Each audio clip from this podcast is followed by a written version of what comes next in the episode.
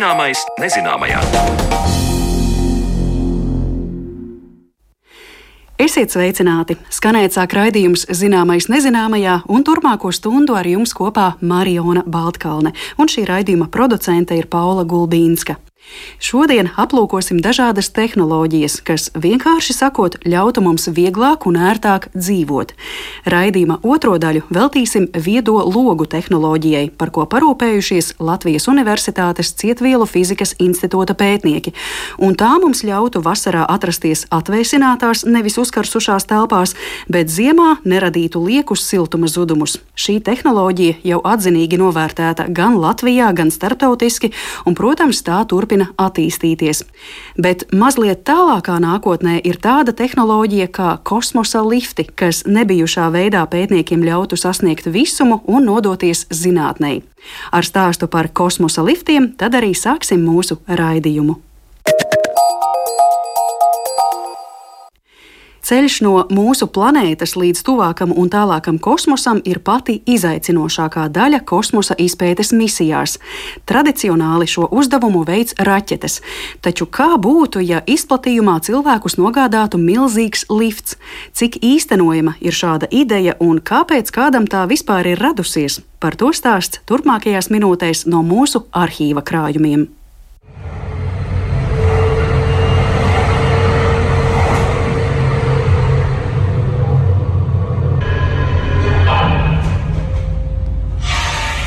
Vai varat iedomāties tādu ainu, kad cilvēki kosmosā dotos iekāpjot nevis raķetē, bet gan liftā, kas tad pēc vairāku dienu ceļojuma pasažierus izlaistu galamērķī? Tā nav zinātniskā fantastika, un informācija par šādiem liftiem nav parādījusies nu pat bet pēdējos gados tas ir plaši apspriests temats, notiek dažādi inženieru hakatoni, kuros tiek pārunāti jautājumi par liftu iespējamiem materiāliem un citi temati lai ieviestu lielāku sapratni šajā pagaidām vēl teorētiskajā, bet nākotnē noteikti arī praktiskajā risinājumā, uz sarunu tiekos ar informācijas tehnoloģiju speciālistu un astronomijas entuziastu Raiti Misu. Viņš stāsta, ka ideja par torni, kas no Zemes sasniegtu kosmosu, radusies jau zinātniekam no Krievijas, Konstantīnam Ciolkovskim. Tematu turpina Raitis Misa. Cik man zināms, tā ideja vispār par kaut ko tam līdzīgu radās Cielkovskim, skatoties uz efeļu torni. Un tas jau ir kādu laiku atpakaļ, noteikti 19. gadsimts visdrīzāk. Nu, tā ir ideja pati par sevi, ka varētu uzbūvēt ļoti augstu torni, kas ļautu ar liftu, protams, uzbraukt augšā orbītā. Un tā, tā sākotnējā ideja arī ir, protams, skaidrs, ka tas būtu tērauda konstrukcijas, kuras faktiski uzbūvēt reāli nevar, jo tā visa masa tai sistēmai būtu tik liela, ka nevarētu uzbūvēt normāls pamats. Bet ideja nav jauna. Jā. Mm. Nu, te uzreiz rodas eh, nākamais jautājums, kāpēc tas būtu nepieciešams. Tas ir vienkārši cilvēka vēlme pārspēt pašam sevi, radīt vēl kaut ko augstāku, varenāku, vai tam ir arī tīri praktiski apsvērumi? Tas ir kā jau daudz kas uh, ekonomikā balstīts. Mm. Un, tādam ilustratīvam piemēram, ja šobrīd, lai ģeostacionāra orbītā nogādātu kilogramu svara, tas maksā vismaz 20,000 eiro. Ja uzbūvētu šādu kosmosa liftu Zemē, proti, kad mēs varētu no Zemes pacelties arī šai pašā ģeostacionārā orbītā, bet ar liftu tas maksātu kaut kādus 500 eiro. Nu, tā starpība 20,000 vai 500, es domāju, ir diezgan pašrunājoša. Viņi pat par sevi pasaka to iegūmu. Pluss, protams, skaidrs, ka, ja būtu šāds lifts, tad būtu pavisam cita situācija. Mums būtu nosacīti neierobežotas iespējas nogādāt uh, kaut ko kosmosā, kas šobrīd ir, cik raķetes uzbūvē, tik var palaist. Jā, vairāk mm. nevar. Tā kā tāds uh, kurjeris tas varbūt kalpotu. Nu, jā, arī jā, tas būtu tā tāda lielceļš uz kosmosu, faktiski tā. Un uzreiz varbūt rodas nepareizs priekšstats, nu, ka mēs tagad ar vienu liftu, ar vienu lielceļu iesavienotu Zemi ar jebkuru planētu, bet īsti tas tā nebūtu. Kur tad tas laistos? Nu, tā ideja par Zemes liftu ir tāda, ka tiktu zemē kaut kur ekvatora apgabalā, gan jau kad okeānā drošības apsvērumu dēļ pievienots pavadiens, kas būtu apmēram 100 000 km garš, kas stieptos tātad orbītā cauri geostacionāru orbītai, un tur tālāk kaut kur augšā būtu atsvars, kas centribeidzes spēka dēļ šo sistēmu turētu nospriegot tādā ziņā, lai tas pavadiens visu laiku ir prom no Zemes taisnas. Mēs varētu paņemt, pieņemsim, asteroīdu, piestiprināt tur galā, jo viņš kā linga visu laiku grieztos apkārt Zemē, un to stabilitāti nodrošināt tas, ka viņš tā masa atrodas tur tālāk prom, un centribeidzes spēki ietekmē to visu to pavadienu, visu laiku turētu nospriegot. Bet te ir uzreiz jāpiebilst, ka šobrīd nav materiāla, kas ļautu uzbūvēt šādu pavadienu, proti, Katram materiālam ir kaut kāds īpatnējs stiprums. Proti, uz noteiktu gabalu, ko viņa nostiep, ir kaut kāda masa, ko viņš spēj noturēt. Un šāda 100 tūkstošu kilometru gara pavadiena gadījumā nav tāda materiāla, kas spētu pats sevi noturēt tajā attālumā. Proti, viņš pats savu svaru nespēja izturēt tik lielā attālumā. Līdz ar to šobrīd to liftu uzbūvēt nevar. Bet cilvēki tāpēc nesaskumst. Idejas tiek ģenerētas un tiek arī veikti visādi izmēģinājumi par to, kā tad īsti tas būtu. Tad, tas pavadījums būs, jo tas jau būtu tikai viena daļa no visas šīs sistēmas. Tur jau vajag lifta kabīnes un visu kaut ko izdomāt. Un par to arī domā, tas notiek. Nu, šeit gan jāvelk analoģija ar kodola sintēzi, kas ir apmēram 20 gadu attālumā, un tas ir jau kaut kādus gadus 50. Tas pats arī ar liftu, šo kosmosa liftu, kad arī pastāv uzskats, ka pēc kādiem gadiem, 20, tad būs tas materiāls atrasts, izdomāts, izveidots, un, un tad to liftu varēs sākt pa īstam projektēt, jo būs materiāls, no kā veidot šo pavadienu. Tad tā viņa izmantošana būtu vienkārši būtu lifta kabīne. Mhm kas, protams, būtu kaut kāda viesnīcas numuriņš, jo tas ceļš aizņemtu vairākas diennaktis kur cilvēki sakāp iekšā un, un brauc kosmosā, Zemes orbītā. Tāpat kā šobrīd tas notiek ar raķeti lidojot, kas aizņem kaut kādas 8, 9 minūtes. Tas notiktu N reizes lētāk, bet aizņemtu vairākas diennaktis. Nu, tā starpība būtu laikā, bet tā pašā laikā arī izmaksās. Jo, piemēram, varētu izmantot saules enerģiju, lai to kabīnu, lifta kabīnu celt uz augšu, un tur vispār papildu tēriņu tad nebūtu. Vai izskan jau kaut kādas idejas tajos pašos hackathonos, no kāda materiāla tad tādu liftu varētu veidot? No zemes gadījumā ir tās oglekļa nanošķiedras, un tas ir vienīgais, kas ir tāds kā kandidāts šāda te milzīga gara un ļoti izturīga pavadiena nu, troses izveidē. Bet te uzreiz jāatzīst, ka šobrīd garākais šāds te, ko ir izdevies uzražot, teiksim, tā ir kaut kur apmēram metru garš šāda nanocaurulīte. Oglekļa nanocaurulīte. Un, un mūsu uzdevums būtu viņu uzražot tātad 100 tūkstošu kilometru garu. Jo, ja viņi būtu īsāki vai kaut kā viņas sastiprināt, uzsiet mezglu un sasiet, visdrīzāk, ka nevarēs, ka viņai būs jābūt vienlaidu šajā garumā. Tā arī ir tā problēma. Ja mums tādu izdotos saražot, tad tas lifts kļūtu par realitāti. Mm. Varētu šķist, ka ar to šis stāsts arī beidzas bet nebūt nebeidzas. Ir vēl viens veids, kā uzbūvēt kosmosa liftu, proti situācijā, kad lifts būtu izveidots no mēnesis virsmas. Mēnesis kā debesu ķermenis ir nofiksēts, un mēs vienmēr redzam vienu un to pašu mēnesi pusi.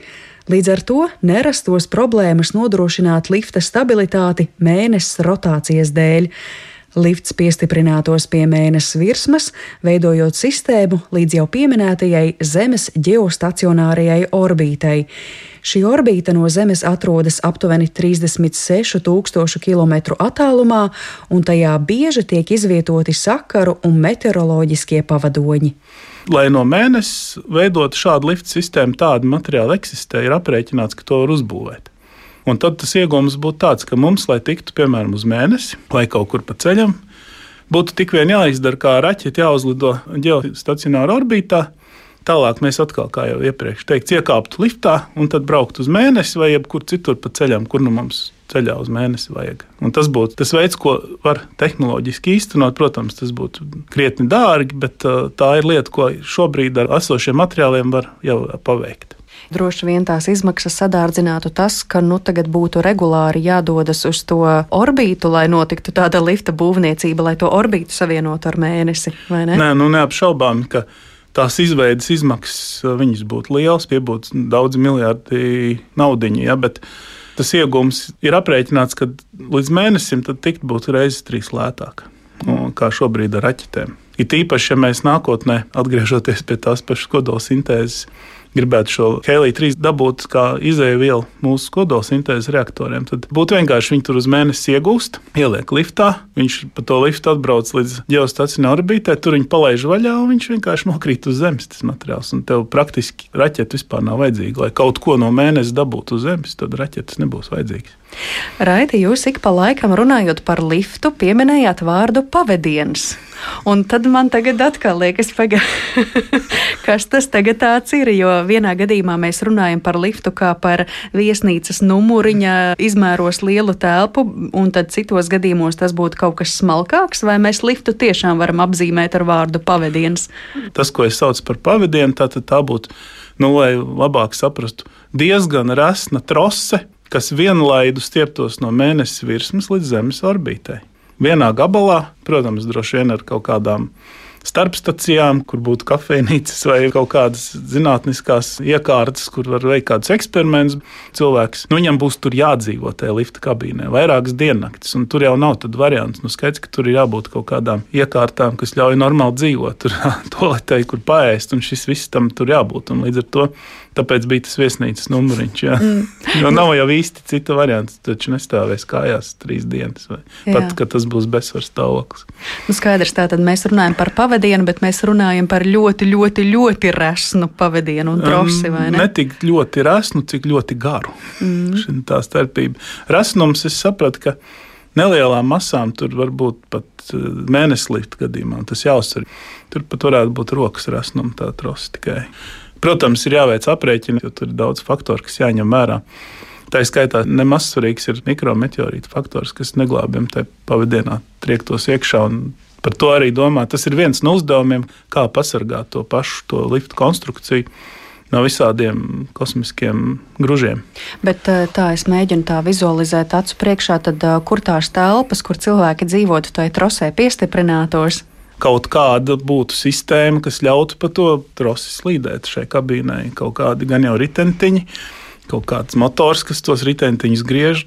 Tā ir nu, inženiertehnisks dabas jautājums, kas pilnīgi noteikti ir atrisināms. Un, starp citu, Kakatonos tā bija tieši viena no problēmām, kā šo risināt, kā nodrošināt to, ka tā kabīne, to pavadienu vai mm. to trosi slīd uh, un nerodas kaut kādas problēmas šajā procesā. Jūs pareizi jau to norādat. Ne, nav tik vienkārši, bet tas ir atrisināms. Tas ir vienkārši inženieriem darbs. Protams, ir vēl citi sarežģījumi, piemēram, attālums starp Zemi un mēnesi mainās, un tas ir jāņem vērā, veidojot šādu sistēmu. Svarīga būtu arī lifta stabilizācija, bet te jāatsaucas uz jau pieminēto lifta stabilizēšanu ar asteroīdu, kas mums, tā teikt, apkārt lidinās daudz.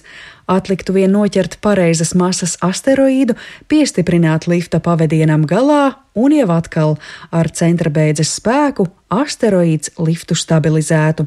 Lifta tehniskā apkope tas jau būtu nākamā līmeņa jautājums, kad lifts reāli taptu. Bet vēl šajā stāstā jāpiemina tāds jēdziens kā Lagranža punkti. Tie ir apgabali, kuros Zemes un Mēnesis gravitācija izlīdzinās, un par to saistību ar kosmosa liftu stāsta Raitis Misa.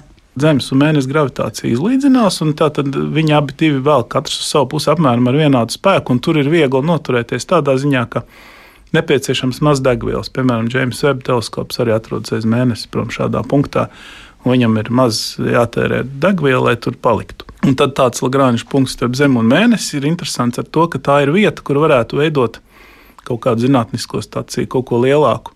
Tad tur būtu viegli tikt, ja būtu šāds lifts, jo vienkārši aizbrauc, pastrādā pāris nedēļas, izdara kaut kādu savu darbu, un tur varētu veidot tādu kā bāzi, kā kosmisko staciju. Kā grāņu punktā tā stacija tur varētu atrasties, nu, principā neierobežot laiku ja arī kāds lifts tiks veidots, tad pirmkārt tas, tas būs mūsu apspriestais mēnesis, kosmiskais lifts. Par Zemi, kā jau minēts, šobrīd tiek domāts tikai teorētiski, jo nav tā materiāla, tās oglekļa nanošķiedras caurulītes. Bet gan jau vienu dienu arī to saražos, un tad arī sāks domāt par to, kā šādu liftu būvēt. Bet kas ir interesanti, principā tie esošie materiāli, tā, protams, ir pavisam tālu. Fantastika varētu ļaut veidot šādu liftu arī Marsam. Tur es sapratu, ka sanāk, ka tie materiāli spēj izturēt tās slodzes. Tur uz Marsa varētu šādu liftu arī uzbūvēt, bet Nu, te jāsaprot, ka te ir runa par ļoti tālu nākotni. Bet, ja mēs runājam par teoriju, tad jā, jau šobrīd, ja vien būtu kāds, kuram ir tik daudz naudas, cik nevienam nav, tad varētu arī par kaut ko tādu domāt Marsam. Bet tur arī tā ideja būtu tāda pati, ka tas ir nevis patiešo no Marsa uz Zemi, bet caur kaut ko, caur to pašu. Tur tā orbītu. ideja būtu tāda pati kā jebkuram mhm. kosmosa mm -hmm. liftam. Un te jāsaprot, tā galvenā lieta netiek savienoti divi kosmosa ķermeņi. Mm -hmm. Tas lifts faktiski ir no virsmas līdz orbītai. Un tikai tā. Ideja ir tāda, ka mēs pie virsmas piestiprinām striķi, izmetam viņu kosmosā un pa to striķi tad lienam orbītā. Mm. Tā ir tā ideja, tā garā pupa.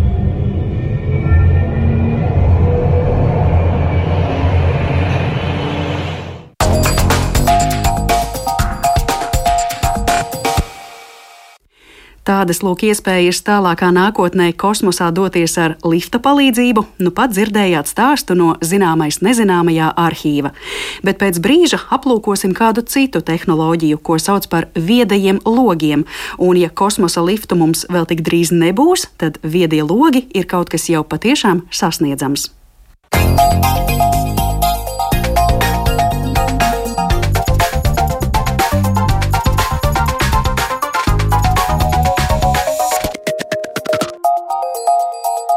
Zināmais nezināmajā.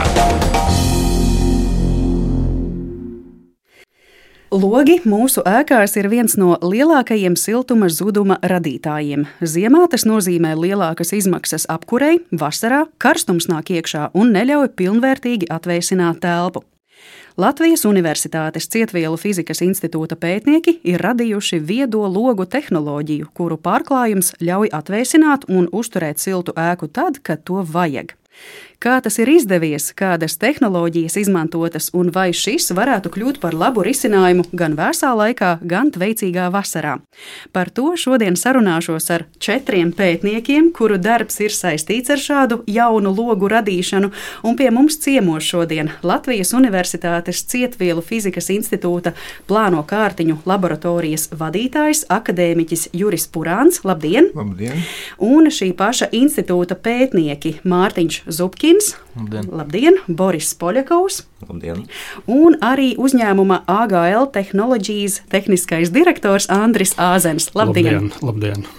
Jā, nu sāksim ar to, ka logi mūsdienu ēkās ir no vienas puses arhitektoniski un labsajūtas ziņā ļoti svarīgs elements. Mums patīk stikla fasādes, mums patīk gaisma un vieglums, kuru rada logi, bet no otras puses logi varbūt ir tāds melnais caurums energoefektivitātē. Tā vispārīgi runājot, kur ir logu problēma? Purāna nu, kungs, es uz jums raugos. Jā, pareizi teicāt, ka caur logiem varētu būt liela enerģijas, siltuma plūsmas zudumi. Tāpat arī varētu būt eh, liela plūsma, kas ienāk telpā, kā mēs apsildām, it sevišķi dienvidu valstu, kur varētu būt sevišķi liela problēma. Nu, arī skatāmies, kāda tie logi tie bija evolūcija, ka šeit mēs vecerīgā pastaigāmies. Tie mazi logi, kad bija trīs brāļi mājas stāv, kā tagad ir, ka tagad ir visa siena varētu būt.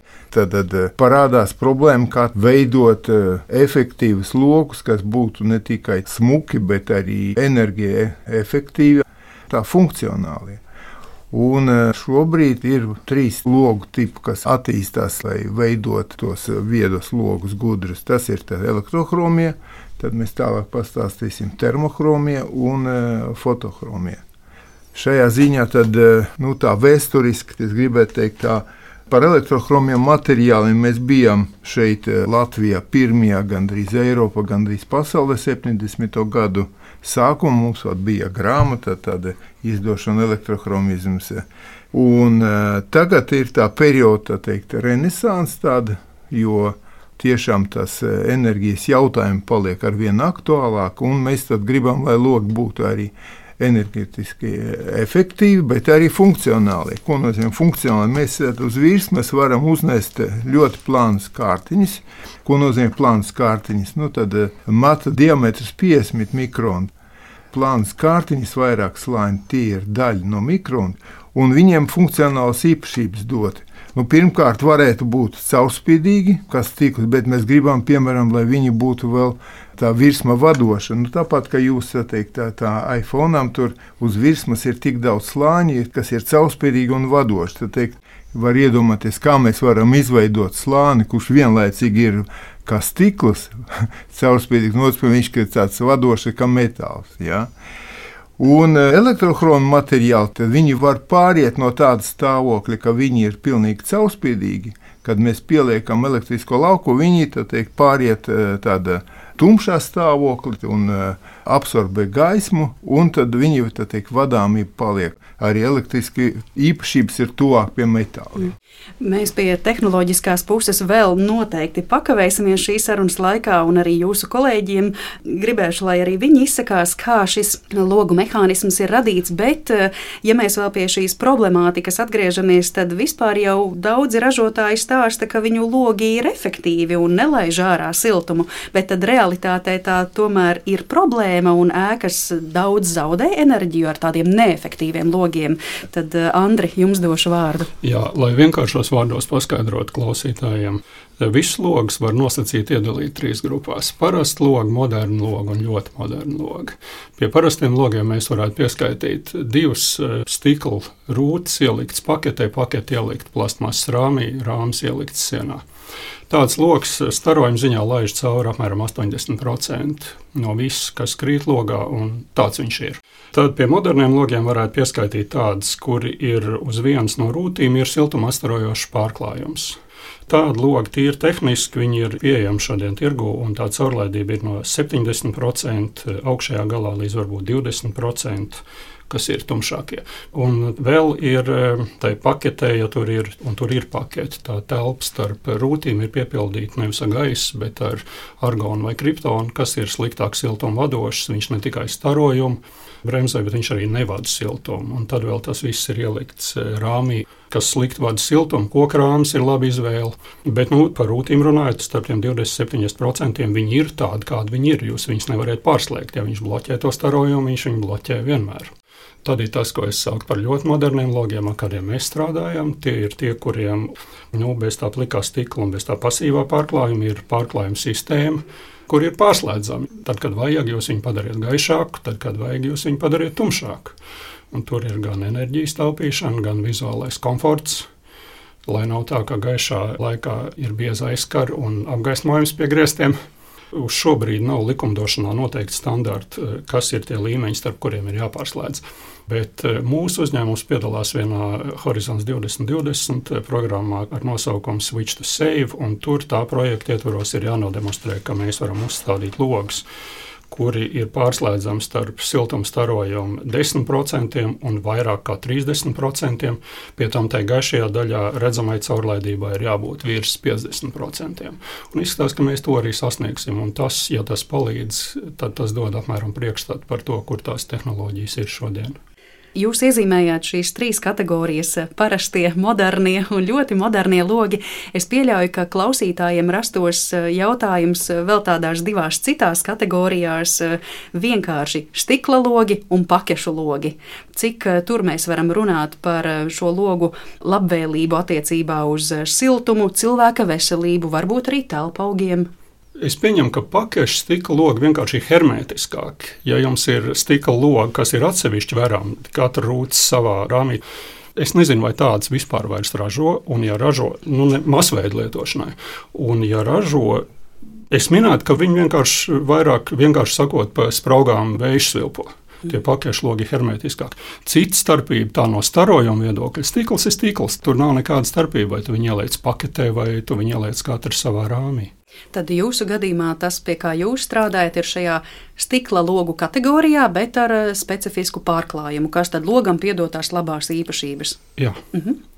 Es gribētu atgriezties pie tehnoloģiju principā. Kāds tad ir eh, vairāk no tādas tehniskās puses jūsu logu izveides princips? Ko nozīmē viedo logu tehnoloģija? Vai tas nozīmētu to, ka cilvēks pats tur kaut ko regulē, vai visu dara loks pats? Jūs jau, Purāna kungs, sākāt Jā, to tehnisko pusi, un tad varbūt arī jūsu Jā. kolēģi Mārtiņš un Boris var pārņemt stafeti. Nu, patiesībā jau ko Andris galvenais pateica, ir tas, ka tas, kas ir šobrīd eh, mums mājās ievietotie statiski logi, jā. viņiem ir savas optiskās īpašības un hermetiskās īpašības, bet tos mēs nespējam kontrolēt, vai arī tie nejūt eh, teiksim, meteoroloģiskos apstākļus. Tas, pie kā mēs strādājam, tie ir viedie logi, kurus mēs vai nu paši spētu dinamiski mainīt atkarībā no tā, kāds ir starojums tajā brīdī, vai ir temperatūra.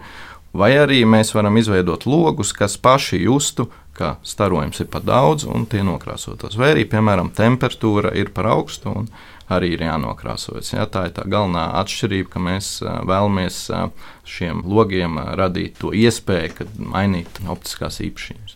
Tātad tas viedums izpaužas tajā, ka lokus pats zina, kas tam ir jādara atkarībā no ārā laika apstākļiem, atkarībā no temperatūras. Ja? Tas ir atkarīgs no attiecīgās tehnoloģijas. Ja mēs runājam par fotohromiem vai termohromiem, tad tie paši jutīs. Elektrochromo loku gadījumā cilvēks var tos regulēt ar elektrisko lauku.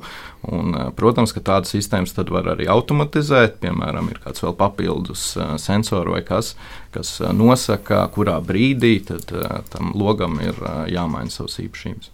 Tad atkarībā no izmantotā materiāla logu pārklājumā reizēm cilvēks iesaistītos un reizēm ne. Andris ceļ roku.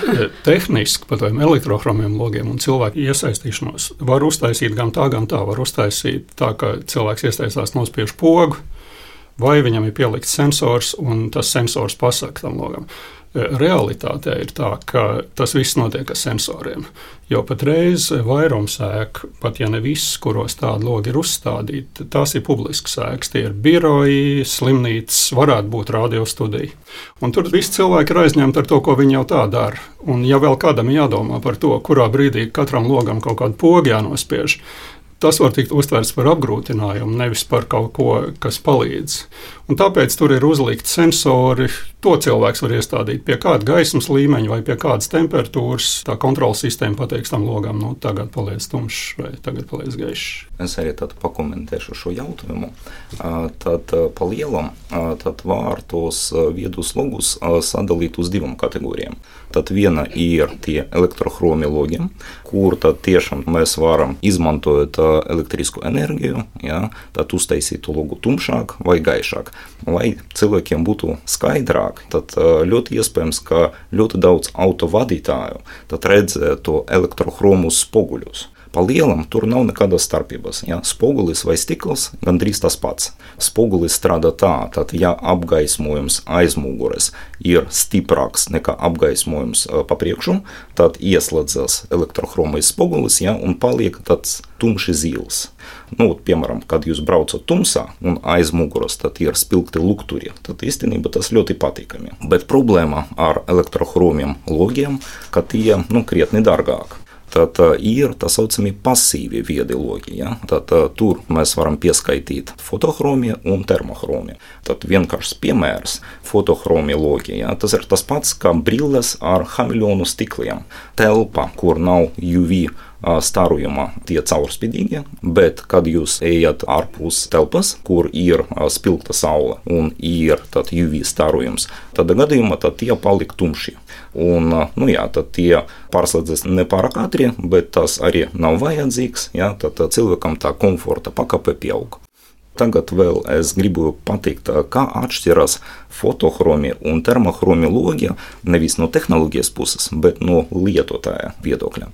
Tad fotohromija logi maina krāsu teiksim, kad apgaismojums ir vājš, tad tie nu, plus-minus caurspīdīgi, un kad apgaismojums ir intensīvs, nu, parasti tur jābūt teiksim, ultravioleta starojumam dažreiz, lai iedarbinātu to fotochromu stiklu. Tad gadījumā parādās krāsa. Ja? Krāsa var būt dažāda, piemēram, zila, zaļa, atkarība no materiāla, atkarība no tehnoloģijas. Un, uh, Tad uh, vasaras laikā, ja, ja ārpus ir spilgta saule, karstums, tad īstenībā stikls paliek tumšs un uh, siltuma plūsma uz telpu samazinās. Īstenībā tas ir kaut kas līdzīgs, kā cilvēki izmanto to melnu plēvi uz mašīnām. Vienīgā atšķirība, ka tur vienmēr tā plēve ir tumša. Bet uh, tie viedie logi dod iespēju mainīt, ja, nu, pielāgoties situācijai. Un, ja mēs runājam par termohromiem pārklājumiem, tad uh, vizuāli neviens neko nepamanīs, ja, kad tie pārslēdzās. Tur tad caurspīdīgumā izmaiņas notiek infrasarkana diapazonā, un cilvēka as to nevar redzēt. Bet tie strādā, ja, un ideja ir arī tāda, ka, ja temperatūra ir augsta, tad gadījumā notiek pārslēgšana, un stikls vairs nelaiž cauri infrasarkanu starojumu. Kad temperatūra samazinās, tad materiāls pārslēdzas otrā stāvoklī, un tad ir iespējams infrasarkanam starojumam iet cauri. Mm.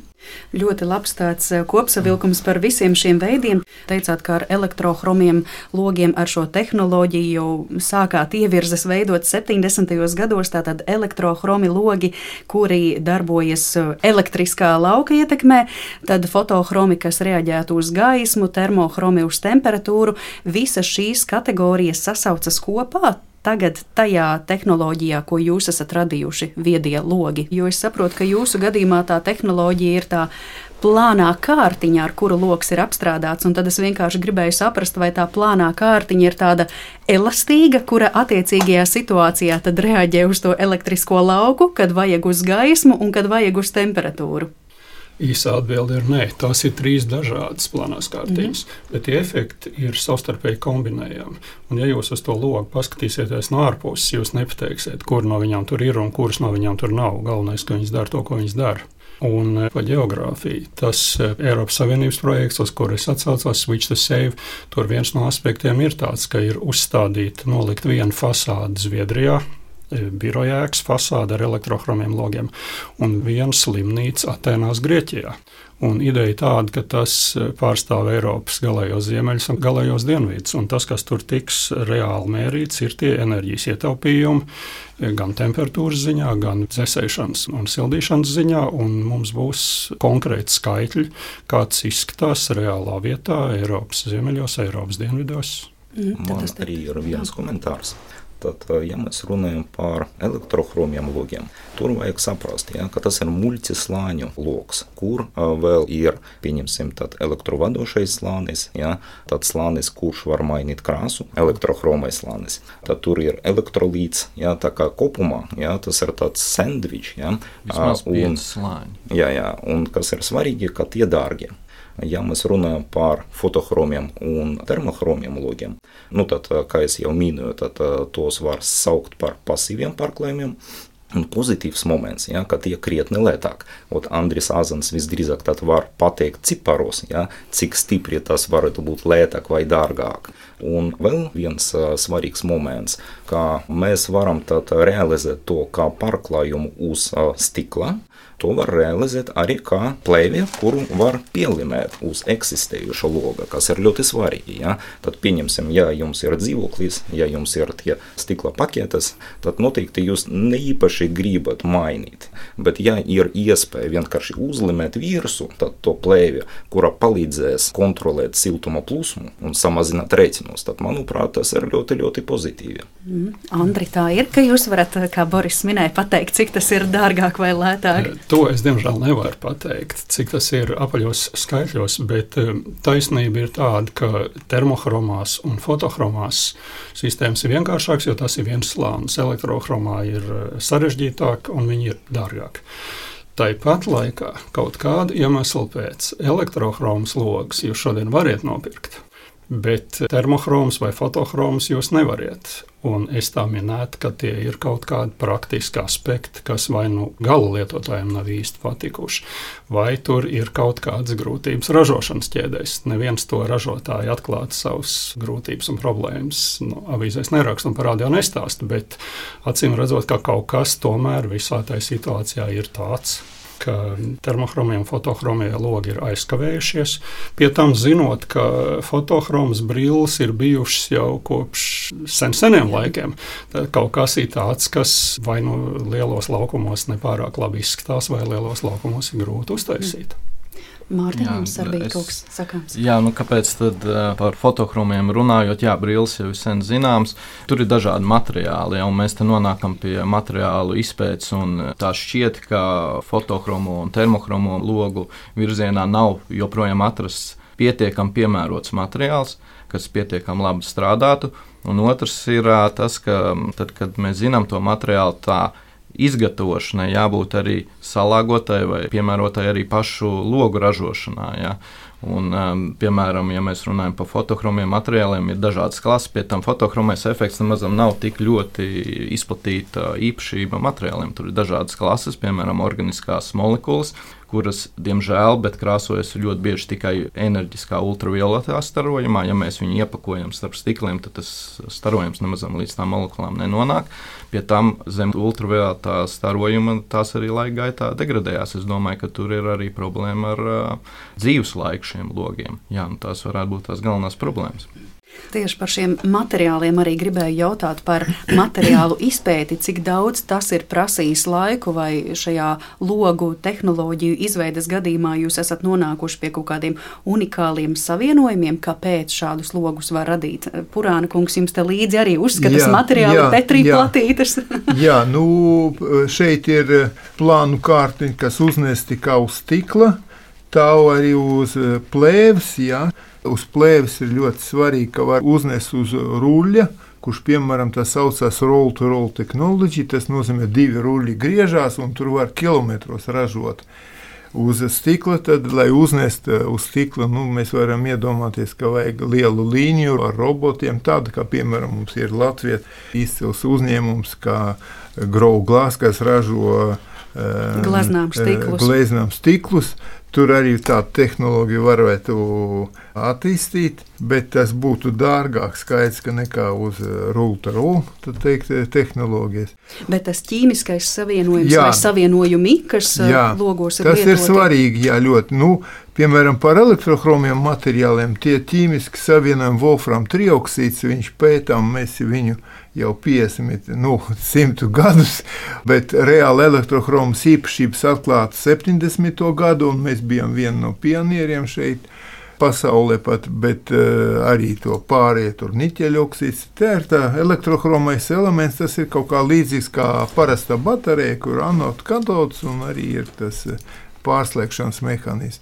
Bet par fotochromiem faktiski fotochromie teikt, materiāli, kurus var izmantot, eh, veidojot viedus logus, viņi atklāti bija tikai desmit gadus atpakaļ, ka itrī tāda jā, hidrīdiem, jā, jā, jā, hidrīdiem, jā, tas ir relatīvi jauns materiāls, tas piedar pie jaukto aņonu eh, materiālu klases, kuri sniedz eh, papildus iespējas modificēt pārklājumu vai materiālu īpašības.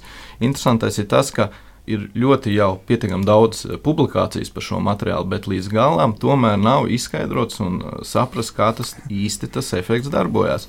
Un kamēr mēs to nezinām, ir patiesībā diezgan grūti optimizēt visu to procesu. Ja, jo ir ļoti labi izpētīts, eh, pie kādiem sastāviem vai pie kādiem kārtiņu biezumiem, kā mainās attiecīgās īpašības, bet kas īsti notiek materiālā, tas līdz galam nav saprasts. Eh, tas ir ļoti svarīgs jautājums, kas ir jāatbild. Tad sanāk, ka savienojumi ir zināmi. Jā, bet, ja? Nē, nu, es domāju, par termochromiem arī Boris var pastāstīt, kas, kas tur pa problēmu ir. Vanādija dioksīds jā, ir sen zināms, bet. Ja runa iet par termochromiem materiāliem, tad īstenībā pa lielam jā, ir tikai viens labs materiāls, jā, tas ir vanādija dioksīds.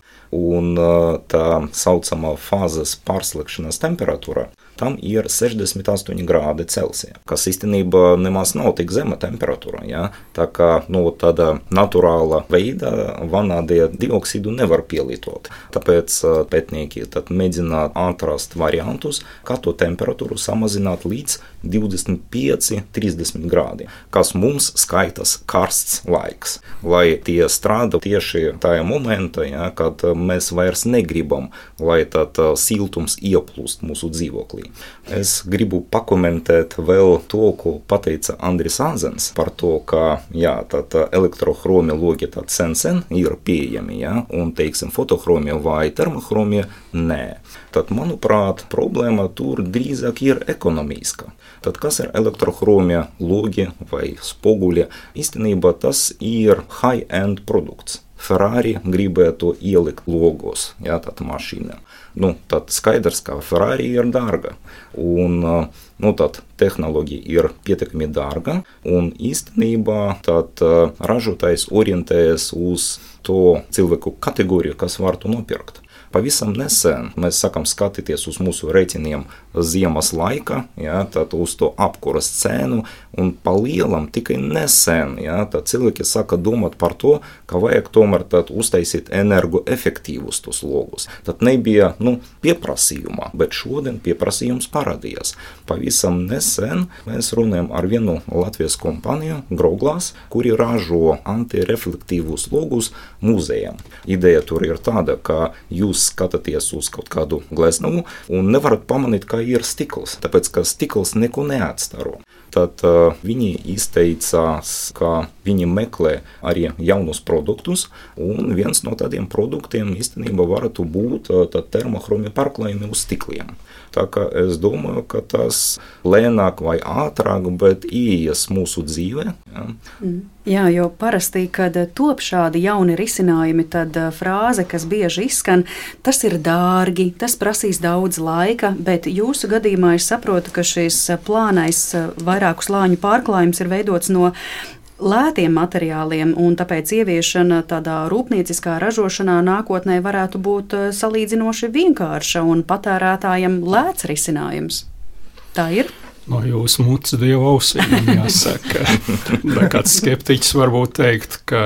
Vienalga dārgi. Gluži pavēlt viņi nav. Mm -hmm. Bet eh, dārgi vai lēti tas viss ir relatīvs. Vienā galā ir tas, cik tas maksā, lai to uztaisītu, otrā galā ir tas, ko jūs ar to ietaupiet.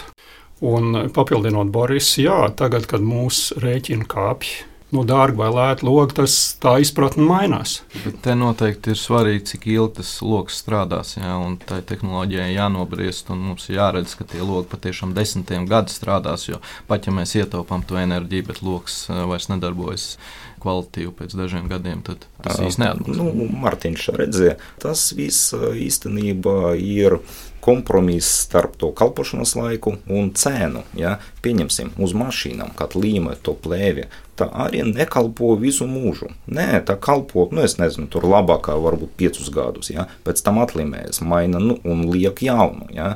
Īstenībā te, ja tie pārklājumi būs pietiekami lēti, tad varētu būt, ka runa iet drīzāk par plēvi, nevis par stiklu, tāpēc, ka, nu, neviens negrib mainīt reāli stiklus, ja, tad savā mājā. Nu, es domāju, ka, jā, tas atrisināsies. Mm. Ir tāds jēdziens kā atpelnīšanas laiks ja jums tas lokus dzīvo ilgāk, pietiekami ilgi, un jūsu kopējā bilance ir pozitīva, nu, tad viss kārtībā. Es varu pieminēt, ka elektrohromiem logiem patreiz tiek dot un prasīt 20 gadu garantiju. Un pat ja pirmā brīdī liekas dārgi, beigās tas būs plusa zīmē. Un, ja tās enerģijas cenas ies uz augšu, tad tas var būt ar vēl lielāku plusa zīmi nekā tas šodien izskatās. Tad es no jūsu stāstītā saprotu, ka tas lielais ieguvums, protams, būtu mazāki šie siltuma zudumi, arī pasargāt no starojuma saules gadījumā, un tie būtu arī izturīgi pret sniegu, lietu, tātad tādi universāli. Ja? Izturība pret sniegu vai lietu, tur tas to nemaina. Visi tie pārklājumi tie ir logi iekšpusē, uz iekšējās virsmas. Varbūt fotochromiem jābūt uz ārējās. Bet eh, jā, tas neietekmēs eh, loga kā tādu mūžu. Šeit parādās viss tas eh, funkcionālie logi, un tur jau tas klāsts, pie kura strādā tie pārklājumi, piemēram, Mēs strādājam, mums bija arī tas eh, Latvijas Zinātņu akadēmijas sasniegums aizpagājušajā gadā. Jā, bija par eh, antibakteriāliem pārklājumiem, mums ir ļoti interesanti, lai tie pārklājumi, tā, tie logi būtu funkcionāli, lai viņi, piemēram, būtu antibakteriāli, bet arī teikt, tas, ko tagad taisa logs pārklājumi, tas ir pašattīrīšanas, lai būtu Šobrīd tiešām iet runa par funkcionalizēt to virsmu un lokus, un tas eh, elektrohromija, termohromija un fotografija. Tas viens no veidiem. Vēl ir plaši pielietojama klāsts, kas dod visdažādākas īpašības logiem. Tā kā tur ir ko darīt. Jā. Es iedomājos, ka iespējams citiem ražotājiem dzirdot jūsu risinājumu, tagad rodas jautājums, Un kas tagad notiks ar žalūzijām, kas tagad notiks ar aizkariem, vai tādas ražot vēl būs nepieciešams? Es domāju, ka viņiem būs vienkārši jāturās līdzi laikam. Jā, skaidrs. Bet uh, jūsu izstrādāto materiālu Latvijas Zinātņu akadēmija jau ir atzinusi par vienu no aizvadītā gada nozīmīgākajiem sasniegumiem Latvijas zinātnē. Jūsu rezultāti ir publicēti arī augsta līmeņa zinātniskajos žurnālos. Tad uh, var teikt, ka Latvija ir gana unikāla šajā ziņā, lai gan, kā jūs iepriekš stāstījāt, ķīmiskie savienojumi jau bija zināmi sen, jā, bet jūs pakāpāties šo soli uz priekšu. Kā jūs paši to plānojat? attīstīt tālāk, vai arī jūs savu darbu esat izdarījuši un tālāk ir ražotāju lēmums, ko mēs ar to darām? Nu, varbūt es kā laboratorijas vadītājs teikšu, ka tā ir e, izaicinājums, jā, jo mēs faktiski esam jauna etapa, renesans etapa, kad mēs vairāk tiešām fokusējamies uz šo virzienu, jo Līdz šim mums bija daudz virzienu, mēs kaut kā paralēli attīstījām plānu kārtiņu tehnoloģijas laboratoriju. Pirmkārt, mums bija etaps, kad mums vajadzēja renovēt visu iekārtas, tas ir vakuma pārklājums iekārtas, un viņi nu, pietiekami dārgi. Jā. Un e, vajadzēja renovēt faktiski pēdējo 15, 10 gadu mēs to izdarījām, un mums šobrīd tiešām ir ļoti labs un faktiski varam rādīt pasaules līmeņa iekārts. Jā. Nākošais mēs fokusējamies, viens no tiem virzieniem tiešām ir par šiem chromogēniem materiāliem, un šeit arī ir paralēli pašu logu attīstība, testēšana, paraugu, lai vajag modernizēt arī testēšanu un pielietošanu. Arī mums paralēli vajag rakstīt projekts, lai dabūtu finansējums arī Jā. vēl tālāk. Jūs arī izdarāt prognozes, kad kaut kas tāds varētu tikt ieviests reālajā dzīvē, aprobēts biznesā, būvniecībā? Nu, tie paši elektrochromie logi, viņi tiek aprobēti, viņi ir nopērkami. Viņus nevar nopirkt viens privātmājas īpašnieks, jo tas nenotiek tā, ka es izdomāšu mainīt vienu logu, aiziešu uz veikalu, nopirkšu, ielikšu logu. Tas notiek brīdī, kad mājas tiek vai nu celtas vai renovētas. Tad tie, kas veic to celtniecību vai renovēšanu, griežas pie piegādātājiem. Piegādātāji tipiski piegādā veselu fasādi, viņi tiek instalēti un viņi tur ir un darbojas. Un, ja es drīkstu nedaudz papildināt par to, vai jūsu darbs ir izdarīts, tad tas darbs izdarīts nebūs nekad. Te ir tieši tāpat kā ar jebkuru modernu tehnoloģisku produktu. Piemēram, automašīnu baterijas. Nesen viens elektromobīls varēja nobraukt 200 km, šodien var nobraukt 400 km, bet tas nenozīmē, ka viņi apstājās pie tā strādāt. Lai cik labi rādītāji būs kādā brīdī, vienmēr būs kāds nākošais modelis. Tieši tas pats ir ar chromiem logiem. Ja Mārtiņš šodien saka, ka tur ir lietas, kas līdz galam nav saprasts, ja jūs viņu uzaicināsiet pēc 20 gadiem studijā, es minētu, ka kaut kur pa vidu viņš pateiks, jā, strādā labi, bet te vienalga ir kaut kādas lietas, kas līdz galam nav saprastas. Tā kā tas nebeidzas. Jā, nu izskatās, ka griestus šajā jomā sasniegt nevar. Plānās kārtiņas nekad nebūs gatavas, un laikam labi, ka nekad nebūs gatavas. Tā kā es varu tikai vēlēt, lai jūsu padarītais darbs sasniedz tālāk dzirdīgas ausis un cilvēkus, kuri tajā būtu ieinteresēti, un lai jūsu, protams, pētnieciskais darbs attīstās vēl tālāk un labāk, un lai tiešām pēc 20 gadiem, kā Andris teica, mēs ar Mārtiņu un varbūt ar jums visiem četriem atkal satiekamies studijā un parunājam, kas tad jauns saistībā ar viedo logu tehnoloģiju. Jā. Paldies! Es domāju, ka varēsim satiekties daudz ātrāk. jo tas progress notiek daudz, Jā. katru gadu ar vienu, divreiz vairāk zināšanas pēc gada. Ir nevis Paldies. 20 gadu jautājums, bet nedēļu, mēnešu nu, un dažu gadu jautājums. 5 gadi, jā, tas būs mm. jau citādi izskatīsies. Mm. Liels paldies jums visiem četriem, ka jūs izvedāt mūs cauri šim stāstam, gan par eh, iespējām no praktiskā viedokļa, gan par, eh, protams, arī šo tehnoloģisko risinājumu, lai tad tiešām izdodas tālāk. Un es saku paldies par sarunu šīs dienas viesiem un atgādināšu, ka tie bija Latvijas Universitātes Cietvielu fizikas institūta plāno kārtiņu laboratorijas vadītājs akadēmiķis Juris Purāns. Šī institūta produkta pētnieki Mārtiņš Zupkins un Boris Poļakovs un uzņēmuma AGL tehnoloģijas tehniskais direktors Andris Āzens. Un ar to mūsu šīs dienas raidījums ir izskanējis. Par to parūpējās producente Paula Gulbīnska, par mūziku šai stundai gādāja Girts Bišs, skaņu režijā bija Nora Mitspapa un Mariona Baltkalne pie mikrofona. Veiksmīgu dienas turpinājumu un uz drīzu sadzirdēšanos!